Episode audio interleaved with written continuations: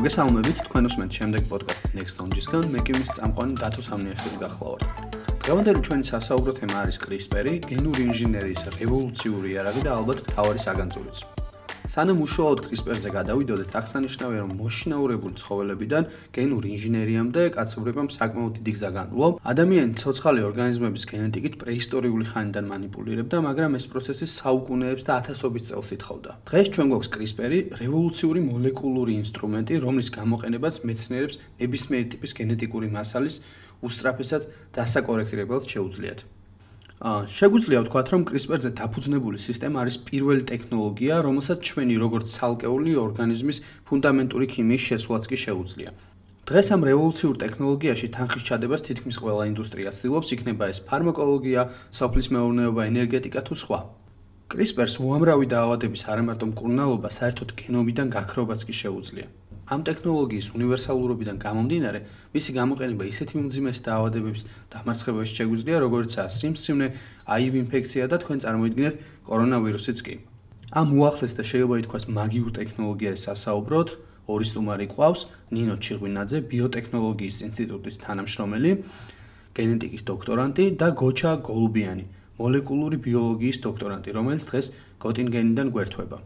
მოგესალმებით მეგობრებო. მოგესალმები მსმენელს. გამარჯობა. აა მოდით რაღაც თემას ქრონოლოგიურად მოვყვეთ და სანამ CRISPR-ზე გენური ინჟინერიაზე ვისაუბრებთ, აა ალბათ ხაზი უნდა გავუსვათ იმას, რომ ადამიანები ხო რეალურად ანტიკური პრეისტორიული ხანიდან ცდილობდნენ რაღაც ცხოველების მოშინაურებას და რაღაც დონეზე ეს ხო უკვე ხელოვნური სელექცია და ამას ჭირდებოდა რაღაც საუკუნეები, ათასობით წელი. აი ამაზე რა შეგვიძლია ვთქვა, როგორი იყო პრეისტორიული გენური ინჟინერია? თუ შეიძლება საერთოდ ამას რაღაც დონეზე ესეც დავარქვათ. კი, კი, ეგრე იყო უხსოვარი დროიდან ადამიანი დაინტერესებული იყო ბუნებით და კონკრეტულად უფრო განსაკუთრებით მაშინ, როდესაც მონადირეობიდან და ბუნებიდან პროდუქტის აქტიური გამოღებიდან გადავიდა საჭმლის თავისით მოყვანა შენახვა წარმოებაზე. ფერმერულ ცხოვრებაზე როცა გადავიდა. სამეურნეოზე როდესაც გადავიდა. სამეურნეო ცხოვრება როცა დაიწყო, მაშინ დაინტერესდა ნიშანთვისებები უფრო ვიდრე მას. აჰა. ხო, პირველი ნიშნები რაც უნდა ყოფილიყო მნიშვნელოვანი უნდა ყოფილიყო იოლი მოსავლელი და ყოფილიყო მუხ პროდუქტია. ირჩევდნენ იმ ნიშანთვისებების მქონე ცხოვრებას, რომელიც უფრო აწყობდათ და უფრო მეტ პროდუქტს მისცემდა ჩადებული შრომის საფასურად. და ეს ხდებოდა რა ერთი წელი და ორი წელი, ეს ხდებოდა ათასეულობით წლების განმავლობაში და ადამიანები ნელ-ნელა ასე ვთქვათ, უფრო კარგად ეცნობოდნენ იმ არსებებს და იმ სცენარებს, ის გარშემო ცხოვრობდნენ და ხდებოდა იმ კონკრეტული ნიშანთვისებების აა ყურადღების მიქცევა, რომელიც მათ ცხოვრებას უფრო კეთილშობილს ხდიდა. ზაღლის მაგალითი არის ძალიან პოპულარი, როგორ მოიშნეურა ადამიანმა ზაღლი. უნებაში ვიცით რომ გლისცინა გლისცინაპრედან მოიშნეურა და კლებში არსებობს ესეთი გენეტიკური მუტაცია, რომელიც იწვევს ცხოველის ნაკლებად აგრესიულობას. შესაბამისად, შეას მოიშინაურებს და ვინც ნამეტი აგრესია ქონდა, იმათ ხოცავდნენ. ეხლა ცხოველს ვერაუსდროს ვერ მოიშინაურებ, რომელიც პირდაპირ შეტევაზე გადმოდის, ხო და ეს მგლები, რომელსაც ქონდათ მუტაცია და ნაკლებად აგრესიულები იყვნენ, გაამრავლა ეს მუტაცია, რომელიც წვებოდა მოხდა ადრე გენში და ეს იყო პირველი ხელოვნური სელექცია. ხო, დროთა განმავლობაში გამოჩნდა მეცნიერებაც, ესე ვთქვათ და საუკუნეების 10000 წლის შემდეგ გავიგეთ, რომ არსებობს დნმ, ხო?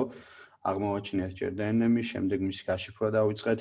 აი ამაზე რო ვისაუბროთ, როდის აღმოჩნდეს ადამიანმა პირველად ის, ვინ იყვნენ ეს მეცნიერები? პირველი ადამიანი, ვინც წამოაყენა ის, რომ ორგანიზმი განიცდის ევოლუციას და ამ ორგანიზმის ევოლუციასთან ის გარეგან და ხასიათის ცვლილებასთან კარამი კავშირი აქვს გენეტიკურ მასალას და ბუნებრივ პროცესებს იყო ჩარლს დარვინი ისტორიულად რომ მიუყვეთ ქიმიურად ქიმიურად როგორ დნმ-ის აღმოჩენა მოხერხდა 1860 წელს. აჰა. მეცნიერი იყო ფრიდრიხ მეიშერი. აჰა. ბიოქიმიკოსი იყო და უბრალოდ აღმოჩნდა რომ უჯრედში ესეთი მოლეკულა არსებობს. როგორც ნახშირწყალი, როგორც ცილა, როგორც ცხიმი, რასაკეთებდა არავინ არ იცოდა. 1882 წელს უკვე აღიწერა ქრომოსომა, იცოდნენ რომ ეს არსებობდა უჯრედში, მაგრამ არ იცოდნენ რა საკეთებდა. ფაქტი იყო, რომ იყო. ერთადერთი მემკვიდრეობას ესეთი დასაბამი ვინც მიცა როგორც მემკვიდრეობითობა და გენების გადაცემის ალბათობას იხშრია იყო მენდელი, გრიგორ მენდელი. აქედან ჩაიყარა საფუძველი უკვე ისეთ დღევანდელ კლასიკურ გენეტიკას როგორც დღეს ვიცნობ. ნაწლავის ჭხილის გენომი ბაქტერიოფაგისა და რაღაც ესე ვირუს 40 ვირუსი იყო აა გააერთიანეს ამ გენებთან და ნუ ამის შემდგომ დაიწყო რაღაც გენეტიკური ინჟინერიის ძალიან სწრაფი ტემპით განვითარება.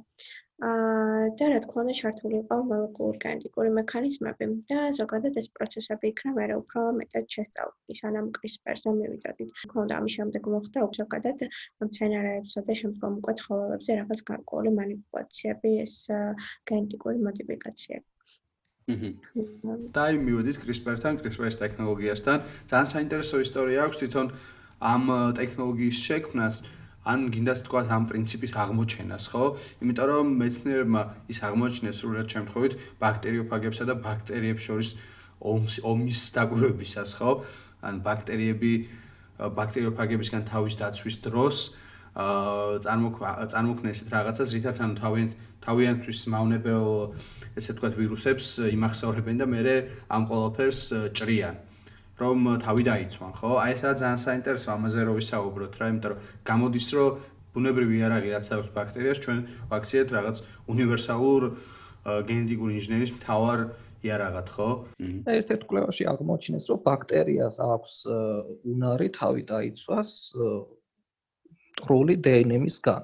აჰა. არსებობს ეგეთ ბაქტერიოფაგები ნახსენები, იყო ეს ბაქტერიოფაგები არიან ექსკლუზიურად ბაქტერიებზე მონადირე ვირუსები, რომლებიც იჭრებიან ბაქტერიაში და მათ მისი გენეტიკური აპარატის მითვისებით ახდენენ ახალი ვირუსების წარმოება.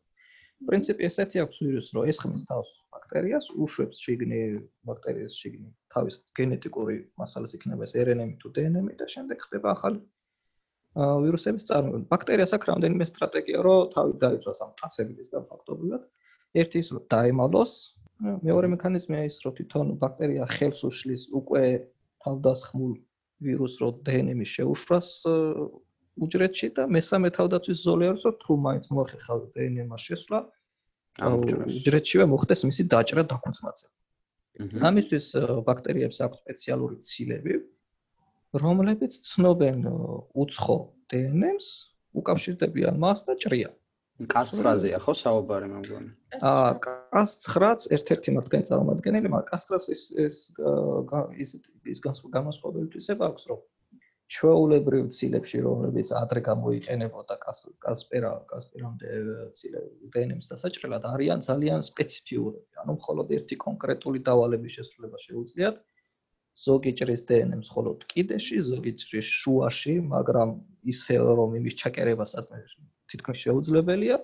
ზოგი ჭრის ისე რომ ჩაკერება შესაძლებელია, მაგრამ მაგრამ აჭრის იქ სადაც შენ გინდა კონკრეტულ სამიზნად და რეალურად ასე ვთქვათ, გამოყენებას განგისაზღვრავს ცილა. რას რაში ის გაკეთება შეუძლია, ის კარნახობს ის გაკეთება შეგიძლია შე. CRISPR-ს ეს თვისება აქვს, რომ ეს ამოცნობი ნაწილი, რითაც უნდა იცნოს უცხო აა დნმ არის ძალიან პლასტიური. რეალურად ბაქტერიას შეუძლია გაწვრთნას თავისი ცილა კონკრეტულად რომელი თარმიდერობა არ უნდა აა გაჭაჭანდეს უჯრედში. აჰა.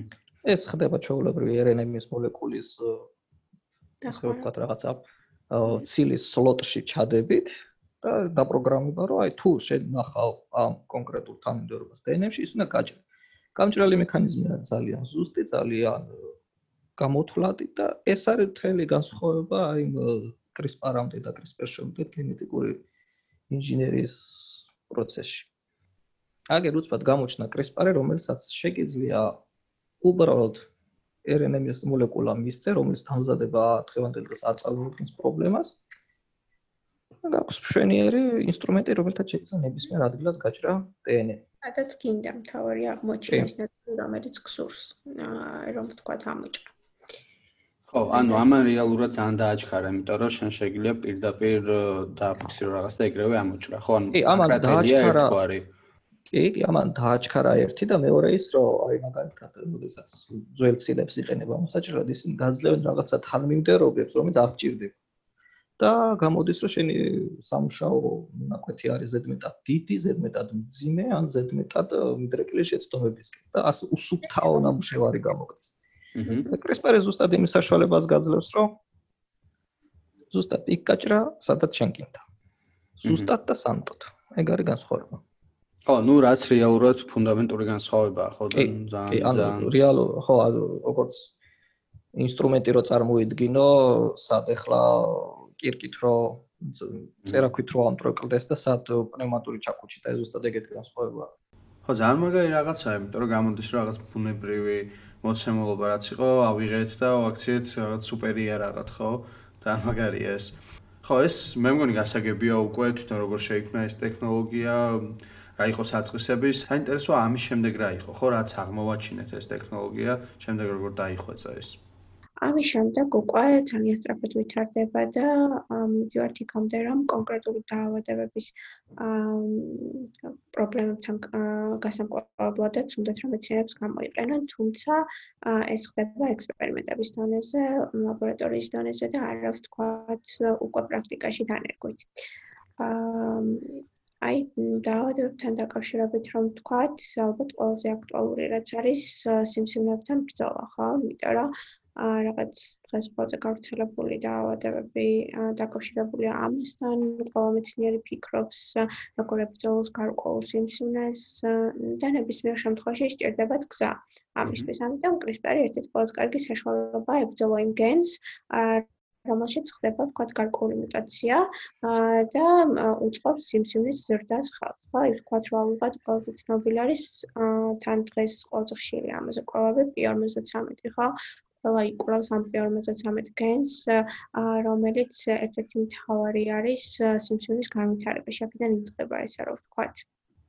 და შეგვიძლია რომ მაგალითად ამ გენზე მოდიფიცირების შედეგად ვთქვათ CRISPR-ის დახმარებით რა თქმა უნდა ეს პრობლემა გადავჭრათ. თუმცა საკმაოდ რთულია ხო დასრულ ადამიანში ამის გაკეთება და აქედან გამომდინარე ამაზე ჩერჩერობით ესე თავს იკავებენ და შესაბამისად აა მხოლოდ ლაბორატორიული სამუშაოებია. ნუ ყველაზე ისეთი არის, ვთქვათ, აა ნამგლისებური ანემია, რომლის დროსაც ხდება მხოლოდ ერთი ნუკლეოტიდის ცვლილება ამ შემთხვევაში და ნუ აი ამაზე ერთ-ერთი ერთ-ერთი დაავადება, რომელსაც აქტიურად განიხილავენ, რომ პირველ ჯერზე ეს იქნება, აა რომელიც ვთქვათ, კრეფის სპერის საშუალებით შეიძლება რომ განიკურნოს. ხო, ანუ ეს შეგვიძლია სხვადასხვა დაავადებების გამოვიყენოთ, ხო, ფაქტიურად, ანუ ავიღოთ მაგალითად სხვადასხვა გენეტიკური დაავადებები. პირველ რიგში, როგორც ეს ტექნოლოგია რო შეიქმნა, როგორც ვიცი, პირველ რიგში გათვალისწინებული ყო ეს გენეტიკური დაავადებების აღმოფხვრა მოეხდინათ, ხო? და შემდეგ უკვე გადავიდა, როგორც სიმსივნე ახსენე, იქ აა მათ შორის აი ხა აქტუალურია მაგალითად ეს ვირუსების თემა, კორონავირუსი მაგალითად როგორც მე ვიცი, ამაზეც მიმდინარეობს, ხო, რაღაც დღემდე მიმდინარეობს კვლევები, როგორ შეიძლება რომ სიტყვაზე ვირუსის გავრცელებას ხელი შეუშალონ ზუსტად CRISPR-ის გამოყენებით. აი ეს არის საინტერესო, ნუ რა რა ხდება ამ ხრივ, ანუ რა კვლევები ჩატარდა ან რა პერსპექტივებია. აა ვირუსებზე რო ვისაუბროთ, ახლა დღევანდელი სიტუაციიდან როგორც ხედავთ, კლასიკური ვაქცინის მიდგომა არ შველის. ადრე ადრე ვაქცინები გამოიყენებოდა, რომ თვითონ უშუალოდ პათოგენის კარკასის შემცველი რაღაცა ფრაგმენტების შეშხაპუნებით ხდებოდა ორგანიზმის იმუნიტეტის გამოწვნა ცოცხალი პათოგენის წინააღმდეგ, მაგრამ ამ შემთხვევაში კორონავირუსის შემთხვევაში ეს მიდგომა არ აღმოჩნდა ეფექტური სამწუხაროდ და უცლებელი გახდა ახალი გზის მოძებნა, რომელიც RNA მოლეკულის შეყვანით ორგანიზმში ხდება ორგანიზმის იმუნიტეტის ჩამოყალიბება. მეცნიერებს დაჭირდებოდათ გენეტიკურ მოლეკულებზე манипуляция, იმისი დაჭრა, გადმოჭრა, გადაჭაკერება. ყველა ვარიანტში მოუწოდათ э, CRISPR-ის გამოყენება, იმიტომ რომ ვირუსის გენომი არ არის იმხელა, რომ მოქცეს э, ბევრი манипуляციების საშუალება, ამიტომ ძალიან ვიწრო სპექტრში უნდა უახდინო კოორდინაცია, ამიტომ ერთი არის ჩვენ რაღაც დაავადებას მკურნალობ და მეორეა, როდესაც გენეტიკურ დონეზე აკრობ, ხო? ანუ როდესაც აა წინაპრისგან სიტყვაზე ამოიღებ ამ გენებს, ხო გამოდის, რომ შთამომავლობა განკურნებულია ხო ამ დაავადებისგან, ანუ ესაა ძალიან მნიშვნელოვანი ჩემი აზრით. აა, მაგრამ ერთი კვავი წდება, რომ ეგ დაავადება შეიძლება ეს ხე მეორედ გაჩნდეს. აჰა. ხო, ის შედეგად. ამიტომ ყოველ ჯერზე უბრალოდ ერთი ის არის კიდე, რომ ეს თვითონ კრესპარი არ არის პრეპარატი, ან პანაცია. ეს არის ინსტრუმენტი. ამ ინსტრუმენტით რა პროდუქტი შექმნი ეგ არის თავარი. აჰა. არ შეიძლება როგორც წარმოგიდგენიათ სიტყვაზე დავუშვათ CRISPR-ის იმ დონეზე მასიური გამოყენება ხდებოდეს, რომ აი ზუსტად ესე რაღაც დაავადები უბრალოდ გავაქროთ. აი გინდაც ჩდება სიტყვაზე მუტაცია და შემდეგ ამ მუტაციასაც უპირისპირებთ და ვაქრობთ რა. ანუ ჩვენი გენები რო რაღაცეებისგან სიტყვაზე გავასუფთავთ, აი ეს რამდენად რეალურია. დღეს არა, მაგრამ ახლო მომავალში ცოტა შორეულში.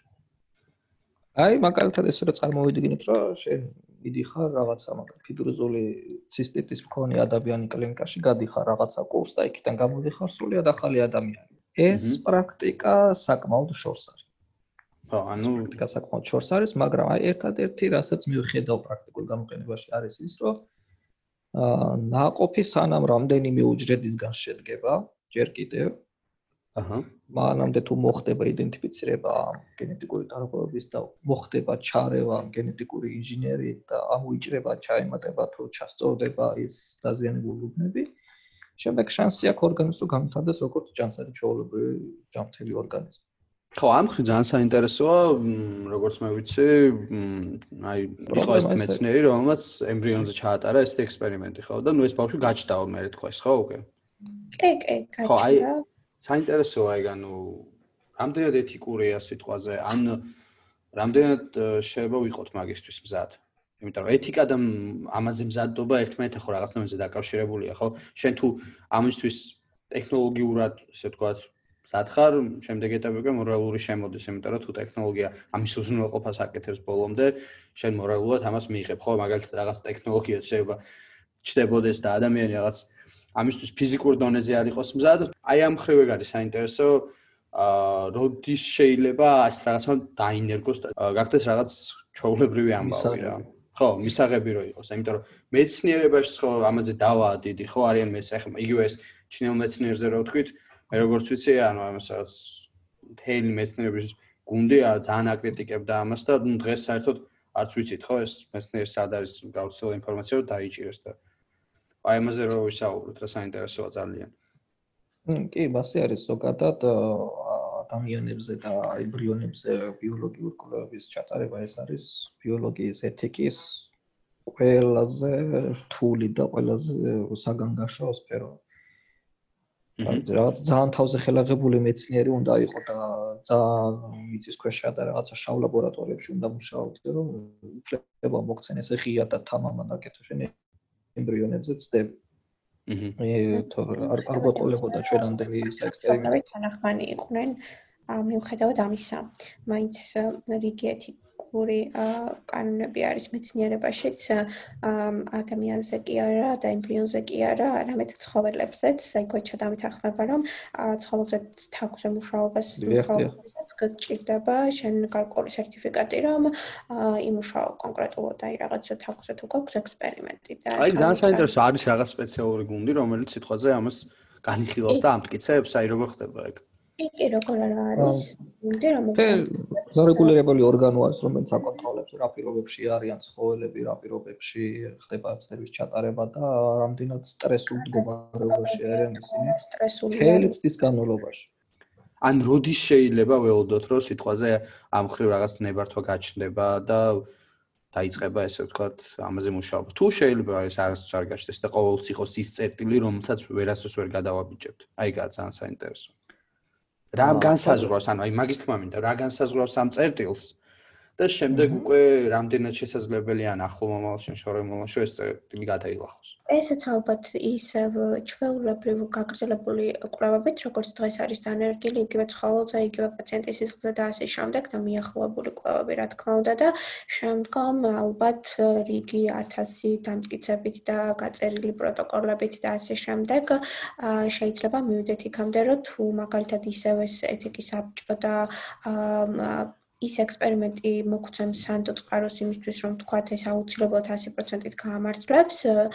შეიძლება რომ აქ კონკრეტულ შემთხვევაში ნება დაერთოს ესეთ რაღაცას. იმიტომ რომ ეს პირდაპირ ექსპერიმენტში ჩასართავად ხო?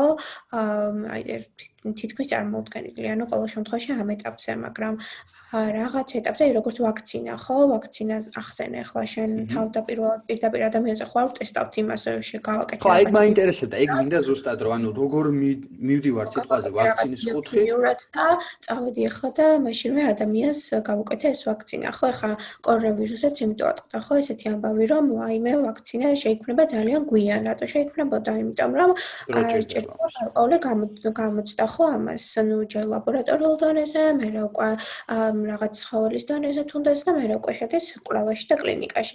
ესე არის ამ შემთხვევაში, ხო? ესე პირდაპირ ვერ მივალთ და ვერ ვეტაკებით თქვა ემბრიონს, იმიტომ რომ ეს კარგი არის საკვლევი მასალად, რაღაცა ცოტა წარმოუდგენელია, მაგრამ აი როგორც ვაქცინის შემთხვევაში ეს შეიძლება რომ რაღაცა გარკვეულ ეტაპზე უკვე მოხდეს ჩარევა.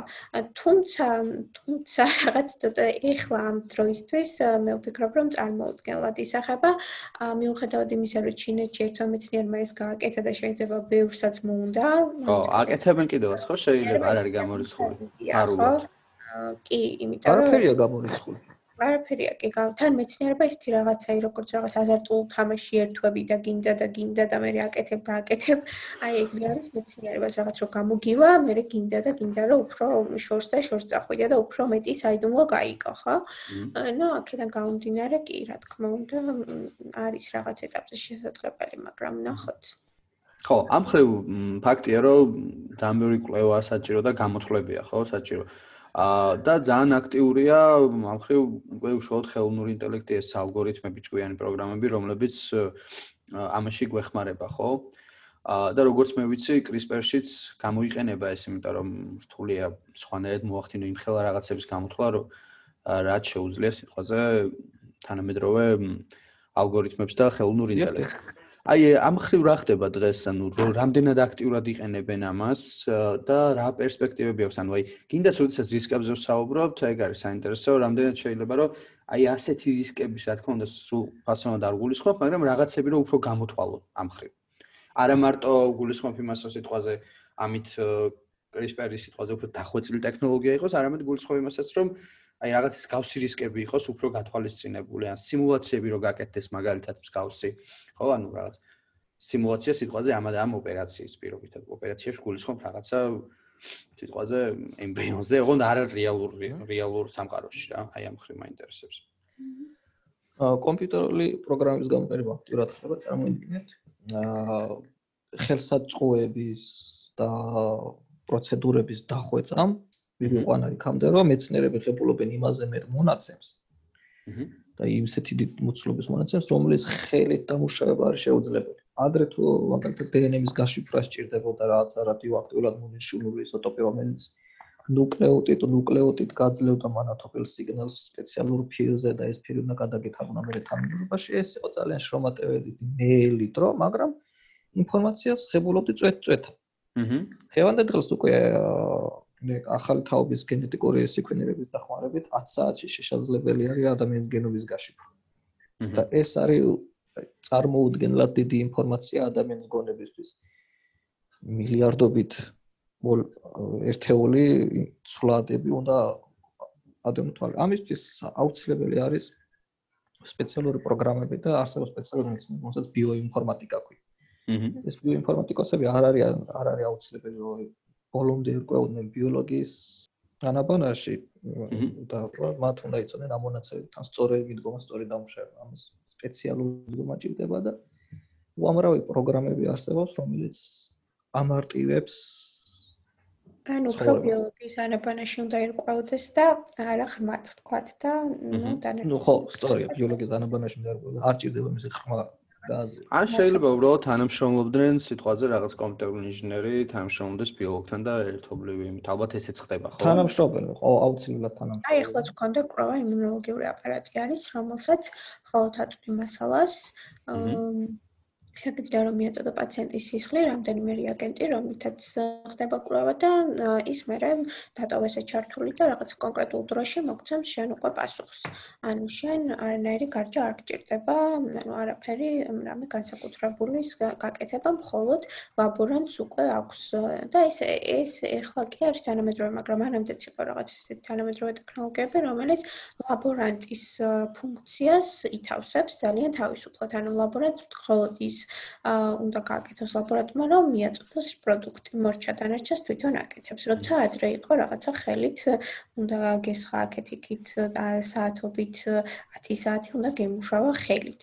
ეს თვალით უნდა გეთვალა ერთეული. ა თვალით უნდა გეთვალა მაგალითად უჯრედები და შესაბამისად ახლა მიაწოდებს სისხლს და დაგითვლის უჯრედებს, სისხლის უჯრედებს ძალიან თავისუფლად. ამ ხრივ მაინტერესებს აი საქართველოსში რა მდგომარეობა თუ შეგვიძლია მაგაზე რო ვისაუბროთ, თუ მიგვიწვება ხელი ან სწავლების კუთხით რა ხდება, იმიტომ რომ მე როგორც ვიცი, აა გოჩა არის უცხოეთში, ხო, ეხლა სწავლობს მან და ანუ აი ამ ხრივ საინტერესოა რა ხდება დასავლეთში, ევროპაში და რა ხდება სიტყვაზე საქართველოში, რა თუ შეგვიძლია რომ მაგაზეც ვისაუბროთ. აი მაგალითად კერძო სექტორი თუ ინტერესდება მაგალითად ამ ხრივ. კერძო სექტორი ალბათ რომელიღაც უნივერსიტეტებში, კი, აი კერძო უნივერსიტეტებში ან რამდენიმე სახელმწიფო უნივერსიტეტში გარკვეულ კათედრაზე შეიძლება ხდებოდეს მსგავსი რაღაცები, თუმცა ნაკლებად, ანუ პრაქტიკაში ხდებოდეს თუ უბრალოდ ისწავლებოდეს, ანუ მაგას გულს რამდენად ხელმისაწვდომია საერთოდ ჩვენ ქვეყანაში ეს ტექნოლოგია? რა თქმა უნდა, პრაქტიკაში თითქმის არ ხორციელდება, თითქმის კი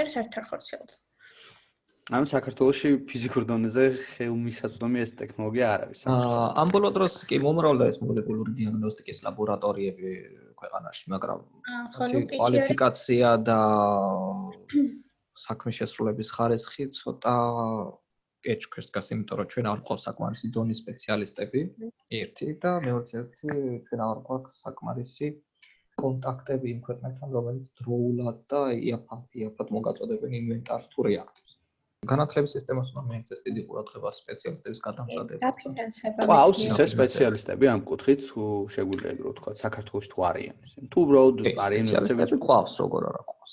დიეტა უნდა და შეგვიძლია გავზარდოთ კიდევაც. კი. რომ არიან ძალიან კარგი სტუდენტები, ძალიან კარგი მოსწავლეები, რომელთაც რეალური შანსი აქვს ამისა, მაგრამ როდესაც ვერაფერს ვერ თავაზობ. ხო, პრაქტიკასთან თუ არ გაქვს შეხება, ალბათ ძალიან რთულია, ხო? კი, რა თქმა უნდა, ძალიან აი, წარსულის მაგალითი შეიძლება მოვიყვანოთ, რომ ბაქტერიოფაგის საკმაოდ აქტიური კვლევა ხდებოდა საქართველოში. ადრე ჩაიყარა რეალურად ბაქტერიოფაგის გამოყენებას როგორც პრეპარატის გამოყენება საფუძველი საქართველოში.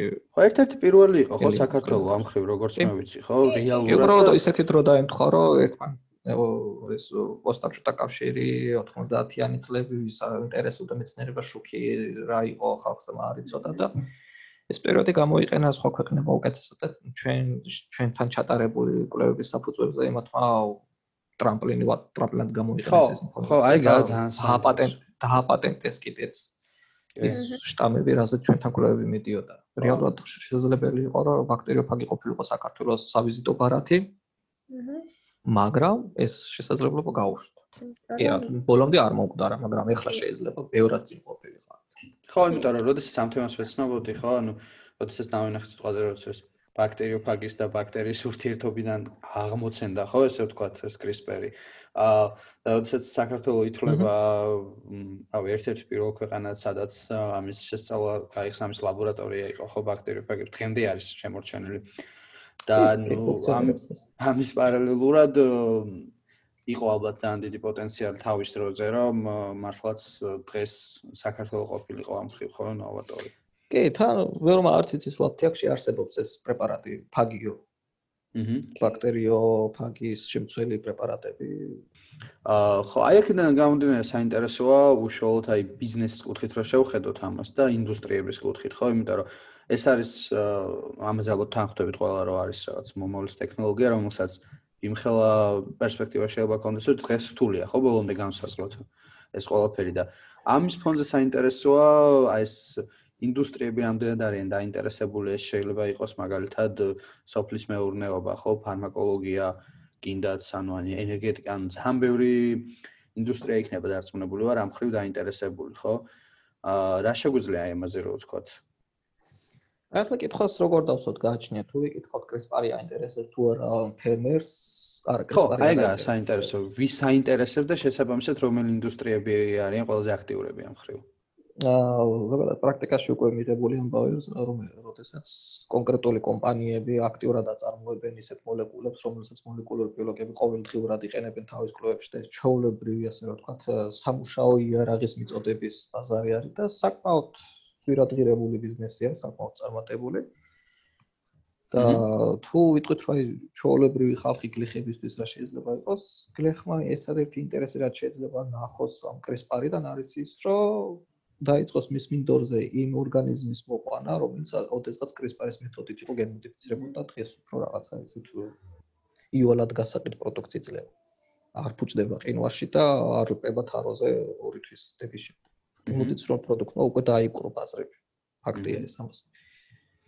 ხო, ანუ აი მაქრო ძალიან მაინტერესებს CRISPR-ს ამდენად გამოვიყენებთ საკვებში. ანუ გენმოდიფიცირებულ საკვებში ამდენად ხდება CRISPR-ის ტექნოლოგიის გამოყენება. ანუ რეალურად CRISPR-ი არსებობს, მაგრამ ძველი მეთოდებიც ხელმისაწვდომია, რომელიც წინ გააკეთა. ეგ ვერ კომპანიას ვერ უკარნახი. ხო, ანუ ამ ხრივ არ ჩაუნაცვლებია ესე იგი CRISPR-ს ბოლომდე რო სიტყვაზე. ანუ როგორ რაღაცა წარმოედგინე იცით, არის რაღაცა მეთოდები, რომელიც ძველი გზით უკეთესად გამოდის. ხო, აი ეგ მაინტერესებდა რა რა არის პროცედურა არის და ხო.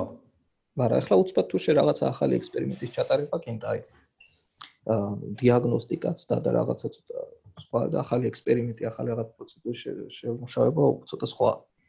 აა ერთი აი რომ მიყვები პროტოკოლს ყველაფერი ზუსტად იცი და რომ არ იცოდე რა საკეთებო უბრალოდ პუნქტობრივად მიყვები პროტოკოლს გამოგივა საკ. მაგრამ ეს არ ხდება ექსპერიმენტების დროს რომელშიც ყველა ფაქტორი უნდა იცოდე, ყველაფერს აკონტროლებდე და მე ყველაფერს უკან მიყოლა შეგეძლოს რომ მიხვდეს სად ქონდა პრობლემა.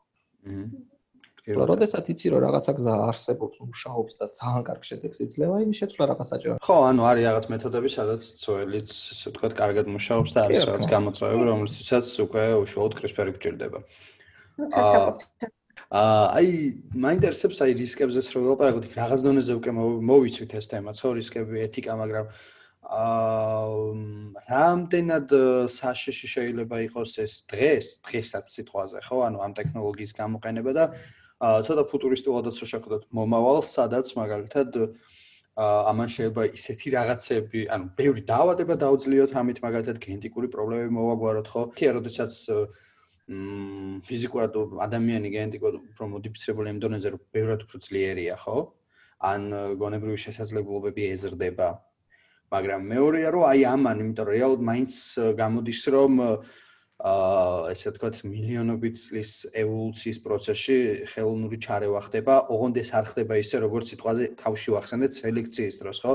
როდესაც აა ევოლუციასთან ერთად ხელი ხელ ჩაკიდებული აკეთებდი, ხო? ამას სცენარი შეიცვლებოდა თუ ცხოველი არ აქვს მნიშვნელობა და ეხა ხომ მსგავს ტექნოლოგიით რაღაც მიჯნაზე მივედით, სადაც ჩვენ შეგვიძლია პირობითად აი ლაბორატორიაში მართლა უხეშადოა რამდენიმე საათში ისეთი რაღაცა იმ დონის სულება მოახდინოთ სადამდეც არ და ევოლუცია მოდიოდა რამდენიმე მილიონი წელი ხო? აი ესაა ძალიან საინტერესო.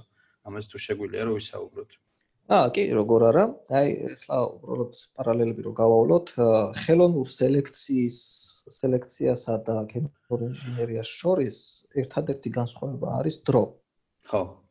აა რეალურად ხელოვნური სელექციითაც შესაძლებელია ზუსტად იმის მიღწევა, რაც შეიძლება გააკეთო გენური ინჟინერი. პრობლემა ეს არის, რომ ეს დაიღებს ძალიან ძალიან ძალიან ძალიან დიდ დროს. ათასობით პროდუქტი წელს, ხო? ხო, შეიძლება ათასობით, იმიტომ რომ წარმოგიდგენთ ახლა ყველაზე ესეთი გავრცელებული ვარიანტი არის თეთრი დათვის გენი პამინდურში. აჰა.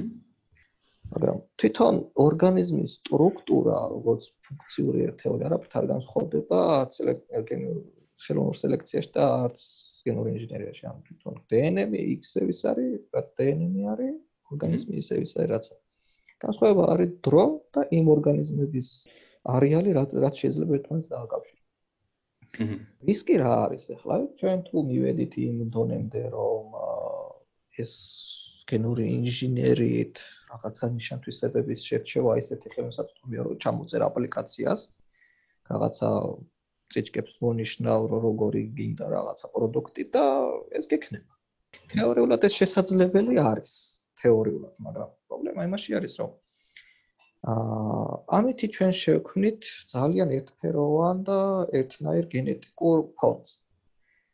ამიტომ აი ელემენტარული წარმოვიდგინეთ არსებობს დღევანდელ დღეს სილამაზის სტანდარტები და ძალიან უამრავი ადამიანი ცდილობს დაიმსგავსოს პლასტიკური ქირურგიით, მაკიაჟით, დააკმაყოფილოს ეს რაღაც კონკრეტული ვარჯიშებით, ხო, ამდენი ადამიანია და ამდენი ადამიანი ერთმანეთს გავს ფიზიკურ დონეზე. გენეტიკურად ყველა განსხვავებულია მაინც. და შენ თუ ადამიანს შესაძლებლობა მიეცი რომ გენეტიკურ დონეზე განსაზღვრო თავისი სურათი, თავისი აღნაგობა და ეს იქნება ძალიან ფართო და ხელმისაწვდომი. მრავალფეროვნებას კარგავთ, რაც ალბათ საშიში. მრავალფეროვნება ამოვარდება, რა თქმა უნდა, საშიში კი არა პირდაპირ ეწინააღმდეგება ევოლუციის და ბუნების და დნმ-ის მთავარ პრინციპს, რომ უნდა განიცადოს ცვლილება და ეს ცვლილება უნდა იყოს რაც შეიძლება მრავალფეროვანი. იმიტომ რომ სახეობების გადაშენება ხდება ზუსტად ასე, რომ ესენი მსგავსებიან ერთმანეთს და რაღაც ერთი კონკრეტული ცვლილება საკმარისი არის ბუნებაში, ან გარემო საცხოვრებლის შეცვლა 1 გრადუსით მომატება 1 გრადუსით დაკლება, საკვების ტიპის შეცვლა, რაღაც ვირუსის ამ ვირუსის გავრცელება, აღმოჩნდება, რომ ერთი კონკრეტული გენომის მქონე ორგანიზმებისთვის არის ლეტალური. აჰა. რეალურად ჩვენ მივიღებთ სტრაფი გადაშენების რეცეპტს იმ შემთხვევაში თუ ყველა საშუალება ექნება რომ ზუსტად ესეთი ორგანიზმი გააკეთოს როგორც მე და თელი მრავალფეროვნება შეზღუდული იქნება ადამიანის ფანტაზიით და რაღაცა სოციალური სტატუსით. აჰა. თეორიაში ამაშია. ხო, ძალიან ცნაურია, იმიტომ რომ ერთია, როდესაც ევოლუციაზე საუბრობთ და რაღაცა ა მილიონობით წელზე ხო რაღაც პროცესია და შედეგად ვიღებთ რაღაცა შედეგს ხედავთ და მეორეა, როდესაც ხო, აი ადამიანი აკეთებს ამას, ადამიანი აკონტროლებს ამას და ადამიანი ამას აკონტროლებს თავის კულტურიდან გამომდინარე. თუმცა მოდი იმედი ვიქონიოთ, რომ თუ რაღაც ეგ შესაძლებლობები გვექნება, მოდაც მრავალფეროვანი იქნება და არ იქნება მაგალითად ეს სტანდარტები, ხო? განსხვავებულები იყვნენ. აი, რატო ვამბობ მაგალითად, ხო? ანუ ცოტა შორს სწავლობთ, მაგრამ მაინც რა, იმიტომ რომ ოდესაც სიტყვაზე ერთი რაღაცა, ხო, საჭიროება, ანუ შეიძლება ის იშვიათობაა, ხო? სიტყვაზე შეიძლება თვალის ფერი მაგალითად. თუ არის სიტყვაზე მწვანე და ცისფერი იშვიათობა, შესაბამისად ეს შეიძლება იყოს უფრო მოთხოვნადი. თუმცა ამ ხრივ ძალიან საინტერესოა, როდესაც ადამიანს შეიძლება გააკონტროლოს სიმაღლეც, წონაც, თვალისფერიც, მისფერი. აქ ალბათ უკვე დაკარგავს ის მნიშვნელობები, როგორც არის მაგალითად ვის ექნება ცისფერი თვალი თუ სიტყვა ეს სხვა ფერის, ხო? იმიტომ რომ ამას შეიძლება კონტროლებ უკვე უშუალოდ და აღარ იქნება ესე გენეტიკური იმპლანტი. ო, ანუ აღარ იქნება მოთხო, ანუ აღარ იქნება მოთხოვნადი, ხო, ეს სიტყვაზე და შესაბამისად მართ მაინც ჩემ მე უფრო ოპტიმისტურად ხედავ ამას, იმიტომ რომ გონია რომ ესეც ეს მოთხოვნების გაიშლება, გაფართოვდება და აღარ იქნება იმას, რომ აი ერთი და იგივე არ იქნება. ყველა შეიძლება თავისი სტილი კონდეს და მაგრამ ეგეც უფრო ეგეც კიდევ თავის მხრივ საშიშროებებს შეიცავს, ხო, რაღაც კიდევ უფრო მეტში გადაიზრდება, რომ რაღაც კი უფრო სხვანაირი იყოს, უფრო სხვანაირი, უფრო სხვანაირი და რაღაც აღარ დასრულდება ეს და ეს სხვა კუთხით ესეც რაღაც საშიშიათ გამოიყურება ჩემი აზრით. აა, აქვე კიდე მაგალითს გეტყვით, აი დავუმნა თქვა, რომ ბუნებაში გადარჩება არა ყველაზე ძლიერი, არამედ ის, რომელიც ყველაზე ადაპტირებადია. ეს ეხება სახეობებს, ანუ რეალურად სახეობის ადაპტაცია გულისხმობს იმას, თუ მას რა გენოფონდი აქვს. შენ თუ გინდა სახეობა გადააშენო, იმას შეუძლია გენოფონდი. რაც არ უნდა იწოლო, რაც არ უნდა ზედელოლიო ის მაინც გადაშენდება ოდესმე. აი ჩვენ შევახსენ ახლა, რომ იქნება და ხალხმა თავისით დაარეგულიროს ის თუ რა იქნება ხშირი, რა იქნება მოთხოვნადი. შესაძლებელია, კი, თუ ამას ძალიან დიდ გონებრივ რესურსს დავახარჯებთ, მაგრამ ერთი ის არის, რომ გარემო პირობები არ უყურებს საბაზრო სიტუაციას. ის როდის გახდება რისკის შემცველი, არავინ არ იცის, იმიტომ რომ ბუნება არის, თავის კანონები აქვს, თავისი ხედვა აქვს. რომელ კონკრეტულ მომენტში დაარტყავს ასეთ ერთნაირ გენო გენომის მქონე სახლეობას და რა პრობლემებს შექმნის? ძნელი სათქმელია. მე ყოველ შემთხვევაში ვფიქრობ, რომ ჯობია კრესპარეტა გენური ინჟინერია გამოვიყენოთ კონკრეტული დაავადებების ელიმინაციაში და არა რაღაცა სუპერ ადამიანური ძალების შემოშარებაში, იმიტომ რომ ამას შეიძლება კულტურული და რასობრივი და სოციალური ისინი გამოიწვიოს მერე პრობლემები ყველა. კი, აი მაგხრივ არის ძალიან საინტერესო ეს ფილმი კატაკა, სადაც თავი პერსონაჟი არ არის მოდიფიცირებული, გენმოდიფიცირებული და მისი ოცნება არის კოსმოსში გასვლა, ხო? მაგრამ ესე ვთქვათ, რაღაცა შტამპი აქვს ჩარტმული, რადგან ის არ არის ესე ვთქვათ, გენმოდიფიცირებული, მას არ შეუძლია რომ გავიდეს გაფრინდეს კოსმოსში, ხო? და ნუ რაღაც ცდილობს ყველაფერს იმისთვის, რომ მოიტყუოს, რომ გაასაღოს თავი, რომ თითქოს მას ფიზიკურ დონეზე ეს შეუძლია. ხო, ან მას რომ სიცოცხლის ფასადაც დაუჯდეს, მისთვის ეს სამნიშნავია, უნდა რომ გავიდეს კოსმოსში, ხო? ამ ხრივ შეიძლება, ну, ძალიან, ანუ, კიდე შევხედოთ ესე, რომ უთანასწორობის მხრივაც, ხო, ეხა ეკონომიკური მდგომარეობა გვაქვს ისეთი, რომ არ არის სრულ თანასწორობა ნამდვილად და მომავალში თუ სიტყვაზე სხვადასხვა გარეგნობის თუ კონებრივი შესაძლებლობების ბავშვები როგორც მართლა შეგეძლება cloud-დან რაღაც ჩამოტვირთო შეუკვეთო ესე ვთქვათ. Template-ებზე ჩამოსხული ხო ხო ძალიან ცნაური იქნება მაგრამ ხო თეორიულ დონეზე რა ანუ შესაბამისად შენ ვისაც მეტი ფული აქვს ალბათ ის უფრო ხარ ზაცუდა თუ მაგრამ ან რაღაც უფრო მაღალი ხარისხის მას შთამომავალს მიიღებს ამ ხრივ და ეს პირდაპირ და მასა იქნება. ხო, ეს პირდაპირ დაყოფს, ხო, სრული უთანასწორობას მიიღებს. დღემდე ადამიანი ყველა ასპექტში ჩაიჭრა რომ თანასწორობა და რესურსის სწორი გადანაწილება შეექმნა. ყველა ასპექტში დღევანდელ დღესაც აი რამდენი ადამიანი შიმშილობს, ხო? განასაჭმელი ვარ არის, მაგიტო კი არა, რესურსი არ არის არასდროს გადანაწილებული და ხელმისაწვდომობა არ არის. ხო, ანუ მაგ მაგიტო თქვი რომ ხო, რომელსაც ამხელა ტექნოლოგია ჭირდება და სავარაუდოდ არ იქნება იაფი ხო, ნუ სრული სრული აბსურდამდე შეიძლება დავიდეს, რომ მაგალითად ვიღაცა შეეძლოს ყავდეს რაღაც ისეთი შთამო თან ეს თაობიდან თაობაზე გადაიტანოს ხო? რაღაცა აა კვანტური ფეოდალიზმი იქნება ჩემი აზრით, სადაც შეიძლება რომ უსაზღროდ მართლა შენი ჩთავმავლები ფიზიკურ დონეზე და გონებრივ დონეზე განავითარო, განავითარო, განავითარო, ხო? ხო, ანუ ამის თქვა მინდა ამის, რომ მეც გეთანხმებით და მგონია რომ ერთია როდესაც ტექნოლოგიას რაღაც პოტენციალი აქვს და მეორეა რამდენად არის კიდაც ადამიანი, ხო, ამ ტექნოლოგიისთვის, ტექნოლოგიის გამოყენებისთვის, მზად. ნებისმიერი რაღაცა შეიძლება გამოყენებული იყოს სასიკეთო და საბოროტო. აბსოლუტურად ნებისმიერი. ხო, თუმცა აი ძალიან საინტერესოა იმ ხრივ რომ ერთი ამ რისკებზე რო საუბრობთ და მეორეა, როდესაც ადამიანს თუ ტექნოლოგია პირობითად ხვალ მისცემს იმის საშუალებას, რომ გაიხანგრძლივოს სიცოცხლე. შთამომავალი ყავდეს უფრო ჯანმრთელი, გენეტიკური დაავადებისგან დაიცვას, ხო? აი, რამდენ აი ეგაა ძალიან საინტერესო, რამდენად მოუნდება ამ პოლობს გაკეთება მიუხედავად იმისა, რომ არის ძალიან დიდი რისკები, როგორც კულტურულ დონეზე, ასევე გინდაც მართლა გულაც გადაშენებამდე მისulis ხო? აი ფაქტობრივად ამ უფრო ბიოლოგიურ უკდავებას რომ ვიახციოთ.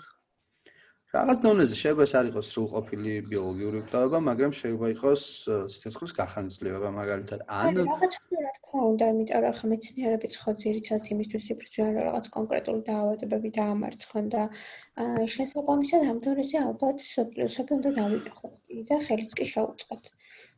თუმცა ეს არ ნიშნავს, რომ ხმა ისე ჩავერიოთ, რომ მე ამან რაღაც უკუჩვენებები მოგცეს, რა თქმა უნდა, არა. თუმცა ახლა თუ მაგალითად სიმსივნის სახელობებს გამკურნავთ, რატომაც არა, ხო? ყოველს მოუნდება, იმიტომ რომ ახლობლების ჩამრთელობა ძალიან მნიშვნელოვანია. ადამიანებისთვის ზოგადად და მეცნიერების მაგისტრის იბრძვიან ხო რატო შემოვიდა ხა იმუნოთერაპიები და ამ ხელა მიღწევები რატომ არის რომ რაღაც სიმსივნე დაამარცხონ? ხო ჩვეულებრივი ამბავია. ეს ზოგადად ფიქრობ ხოლმე რომ მეცნიერები მაგისტრის იბრძვიან და შესაბამისად ამ კუთხით კი ბევრი პლუსი აქვს კი ნამდვილად ო აი მე მგონი დასასრულისკენ მივდივართ და აი ეს რაღაცას კითხავდით თქვენ როგორც ამ თემასთან დაახლოებულ ადამიანებს. აა ერთი ალბათ მაინტერესებს ახლო მომავალში რას ფიქრობთ რა პერსპექტივები აქვს ამ ტექნოლოგიას რა შეიძლება რომ ახლო მომავალში ამას შეცვალოს ჩვენს ყოველდღიურობაში აა გინდას დაავადებებთან ბრძოლის კუთხით. აა და მეორე იქნებოდა უკვე ცოტა უფრო შორეული მომავალი სადაც შეგვიძლია ცოტა ფუტურისტულადაც შევხედოთ რა გასახანი აქვს ამას თუ ბოლომდე განვითარდა ესე ვთქვათ ეს ტექნოლოგიები რა. აი ამ რზე რო ვისაუბროთ და მე მგონი შეგვიძლია ნელ-ნელა დავასრულოთ კიდევაც. მე ჩემი საკვები საგანი რაც არის სადოქტოროს ეს რეტის სინდრომი რომელიც X ქრომოსომაში კონკრეტული გენის დარღვევასთან არის ასოცირებული და დღევანდელ დღესაც ამ ხალხისთვის არ არსებობს რაღაც კონკრეტული მედიკამენტი რომელიც მათ დახმარებას შეძლებს. ერთადერთი საიმედო რაც მოჩანს ჰორიზონტზე არის გენური თერაპია. ისევე როგორც სხვა ხალხისთვის, რომელსაც სხვა დანარჩენი გენური გენური დაღოვები აწუხი. აჰა. ამიტომ ეს არის სწორი მიმართულება დღესდღეობით რაც ეს არის პირველი გამოწვევა, რაშიც მე ვფიქრობ, რომ უნდა ჩაიდოს მთავარი ინტერესი და ფინანსური და გონებრივი რესურსი. აჰა. კი, ვეთი ხობი კოჩი მეც მაგას ვაპორტი ზუსტად მიგაღან რომ აი ამ კუთხით ნამდვილად მე კოლორექტულ სიმსივნეს ვიკრო ამიტომ ამახვილებდი ხა ყურადღებას და არც ამ შემთხვევაში არ არის სხვა გამოსავალი გარდა ვთქვათ გენური თერაპიის. არის რაღაც იმუნოთერაპიები რომელიც გარკვეულწილად წარმატებებს აღწევს მაგრამ ისეთი არა როგორც ვთქვათ გენური თერაპია შეიძლება იყოს. აქედან გამომდინარე ну კი ამბობენ ხოლმე და მართლაც არის რაღაც კონკრეტული გენეტიკური დაავადებები, თუმცა ნებისმიერ დაავადებას აქვს რაღაცა გენეტიკური საფუძველი, ხო? აა შეიძლება ეს იყოს სპონტანური, ან შეიძლება ეს იყოს რაღაცა მოკვითრაობითი. აქედან გამომდინარე ვერ ვიტყვით, რომ რაღაც მაინც და მაინც აი რაღაც კონკრეტული გენეტიკური დაავადება, ნებისმიერ დაავადებისთვის მოდი ესე უფრო ვთქვათ, ფართოდ განვიხილოთ და არა რაღაც კონკრეტიკაში. აა ნებისმიერ იმას შეიძლება ასე ვთქვათ, დაგვიცვას, ხო? აა კი ბატონო. ანუ აიც ეს არის გენეტიკა. ხო, ყველაფერი დნმ-დან იწყება, ქრომოსომიდან იწყება და შესაბამისად ყოველ შემთხვევაში ის მომავალი ჯერ ძალიან შორს არის, როდესაც კიდაც სიცოცხლეს ვიხანგრძლივებთ ამით, ან სიტყვაზე აა ხდებით სუპერ ადამიანები გვაქვს სიტყვაზე ის წყლის დათვი რო არის ხო ყველაზე გამძლე ცოცხალი არსება არის ხო ითვლება დედამიწაზე ერთ-ერთი ყველაზე გამძლე და მისი გენები ნამდვილად არ გვაწყენდა გამძლეობის კუთხით, ხო, ადამიანებს და ნუ ძალიან ბევრი ამბობს სხვათა შორის, აი ფიზიკოსებს ახასიათებთ ხოლმე უთქვამთ თავიანთ გამოსვლებში, რომ კოსმოსის ათვისებისთვის ადამიანი ბიოლოგიურ დონეზე არ არის მზად და რაც კიდე სკაფანდრი კონდეს, მაინც რთულია, ხო, ეს ყველაფერი და შესაბამისად ხო, აი მაგისტვის კარგი იქნებოდა რომ ასეთი გენები გვეთხოვა სხვადასხვა არსებებისგან, რომ მოგვახდინა სამყაროს კოლონიზაცია კოსმოსის, ხო?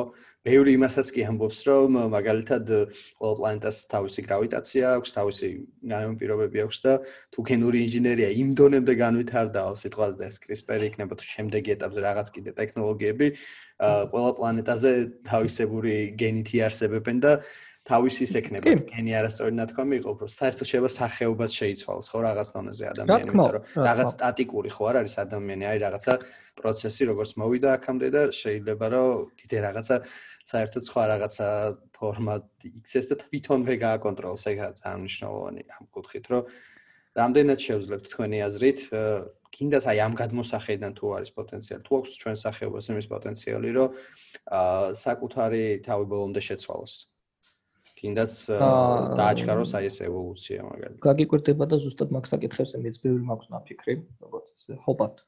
და როგორც რაღაც მიმართულებად. ხო, მაგაზე ვერ იმუშავებ ჯერ რა თქმა უნდა ადამიანს. ხო, წყლის დათვი რო ავიღოთ, წყლის დათვი საინტერესოა იმით, რომ ერთი უძლებს ექსტრემალურ რადიაციას, მეორე უძლებს ექსტრემალურ სიცივეს, სიცხეს, შიმშილობას და სხვა ფაქტორები არ არსებობს გარემო. რაც მას მოკლავ და უბრალოდ თუ ვიღაცა მეორე ორგანიზმა არ შეჭამა ან არ მობეზრდება არ მოკვდა ისე არ მოკვდება. აჰა. ეხლა რა იწევს მის ასეთ გამძლეობას, რა თქმა უნდა, მას აქვს სპეციალური გენები, რაც ეს აწარმოებს ისეთ ცილებს, რაც ეხმარება სხვადასხვა გარემოს გამძლეობას, მაგრამ ასევე ყურადღება მისაქცევია თვითონ დნმ-ის სტრუქტურა. დნმ არ არის მარტო ის შემადგენლობა, რომელიც ცილებს ასინთეზირებს, მაგალითად, ადამიანის 2% არის ხოლო ცილების სინთეზზე პასუხისმგებელი. დანარჩენი არის ეგრეთ წოდებული junk dna, რომელიც ითვლება, რომ ფუნქცია არ აქვს. გარდა იმისა, რომ ეს არასასურველი მუტაციების მოხდენის შანსი იმ დნმ-ში მეტი არის და ასე ვთქვათ, თელ დატყვას დამთავზე იღებს.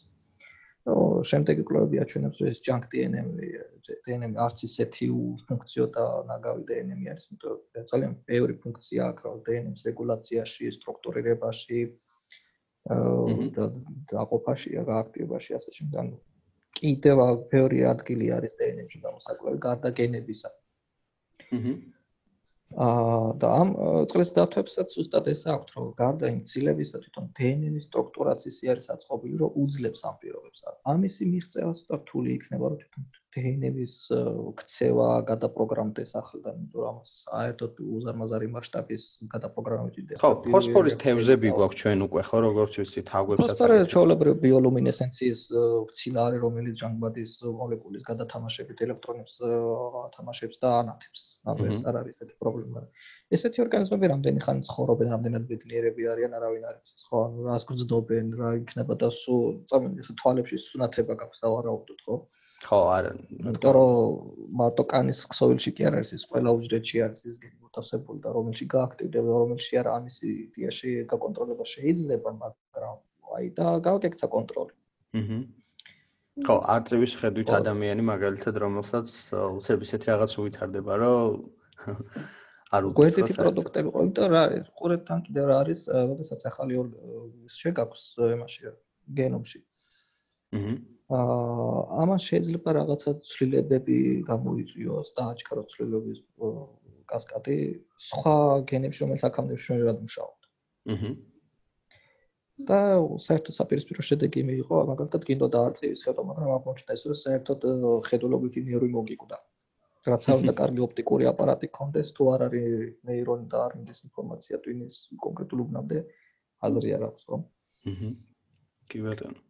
ანუ მსგავსი манипуляციები რთული არის. ანუ სანამ არ ინახება უშუალოდ ექსპერიმენტალურ მოდელში და ეს არ გამოიწდება პრაქტიკით ბიოლოგიურ სისტემაში, მანამდე რომ ეს ასე ხო არა, ეგ ძალიან საინტერესოა, იმიტომ რომ მართლაც საიდან დავიწყეთ, ადამიანმა საიდან დაიწყო და დღეს საერთოდ სხვა ეტაპზეა, ხო? ამხრივ რთულია რა თქმა უნდა პროგნოზირება რა შეიძლება იყოს მომავალი, რანაირად გაგრძელდეს, ხო? მით უმეტეს, ოდესაც ისეთ რაღაცაზე ვსაუბრობთ, რაც არის თვითონ სახეობის თავიდან ბოლომდე შეცვლა. ინდაც აი ადამიანი homo sapiens რო იქცეს სხვა არსება. ეს პროცესი თქვენ წარმოვიდგინეთ და ეხლაც მიმდინარეობს, ანუ ევოლუცია, მიმდინარე პროცესი უბრალოდ ამ შედეგს ჩვენ ვერ მოესწრებით. ამას ნახავენ ჩვენი თაობის, თაობის, თაობის, თაობის. რომელსაც ექნებათ ჩვენი ფოტოები და თავის ფოტოები და შეადარებენ. გაოცდებიან უბრალოდ რომ ესეთები როგორ იყვნენო. თუმცა ძალიან კარგია რომ აი კიდაც ესეთ რაღაცას მოისმენენ მაგალითად ჩვენ ხმებს მოისმენენ და ვიზუალურად დაგვინახავენ. რაც ჩვენ არ შეგვიძლია. ძალიან ბევრი მე ამ ყველაფერს. აუცილებლად ანიცინებენ ან იტირებენ, არ ვიცი ეს თულია ვთქვათ, მაგრამ ყოველ შემთხვევაში ეგ ფუფუნება ექნებათ რომ დაგვინახავენ. ჩვენ არ გვაქვს, თორემ ძალიან ბევრ რაღაცას გავიღებდი იმისთვის რომ მენახა მაგალითად ჩვენი უძველესი წინაპრები მე. ხო, კარგით მოდით მაგონი შეგვიძლია ნელ-ნელა დავასრულოთ და მაინც ოპტიმისტური დასასრული გქონდეს მოდი ესე ვთქვათ და გქონდეს იმედი რომ ტექნოლოგიებს გამოვიყენებ დადებითად და ეს ყველაფერი საბოლოოდ ისევ იმისთვის არის რომ ადამიანი ადამიანმა დაძლიოს გამოწვევები, პრობლემები გინდაც აი კორონავირუს პანდემიამ დაგვანახა რომ რთულია ან სად უნდა იყოს ყველაფრისთვის და გჭირდება ტექნოლოგიები შეიძლება იყოს ვაქცინა თუ სხვადასხვა რაღაცა რაც დაგიცავს ხო ამ გამოწვევებისგან. ვიქონიოთ იმედი რომ ძალაუფლება რომელსაც ადამიანი დღეს ფლობს ეს ძალაუფლება გაიზრდება უბრალოდ იქნება პროპორციული და ესე ვთქვათ აა არამავნებელი. მადლობას მოგიხდით თქვენს და მსმენელსაც დავამშვიდობოთ. მადლობა. Thank you.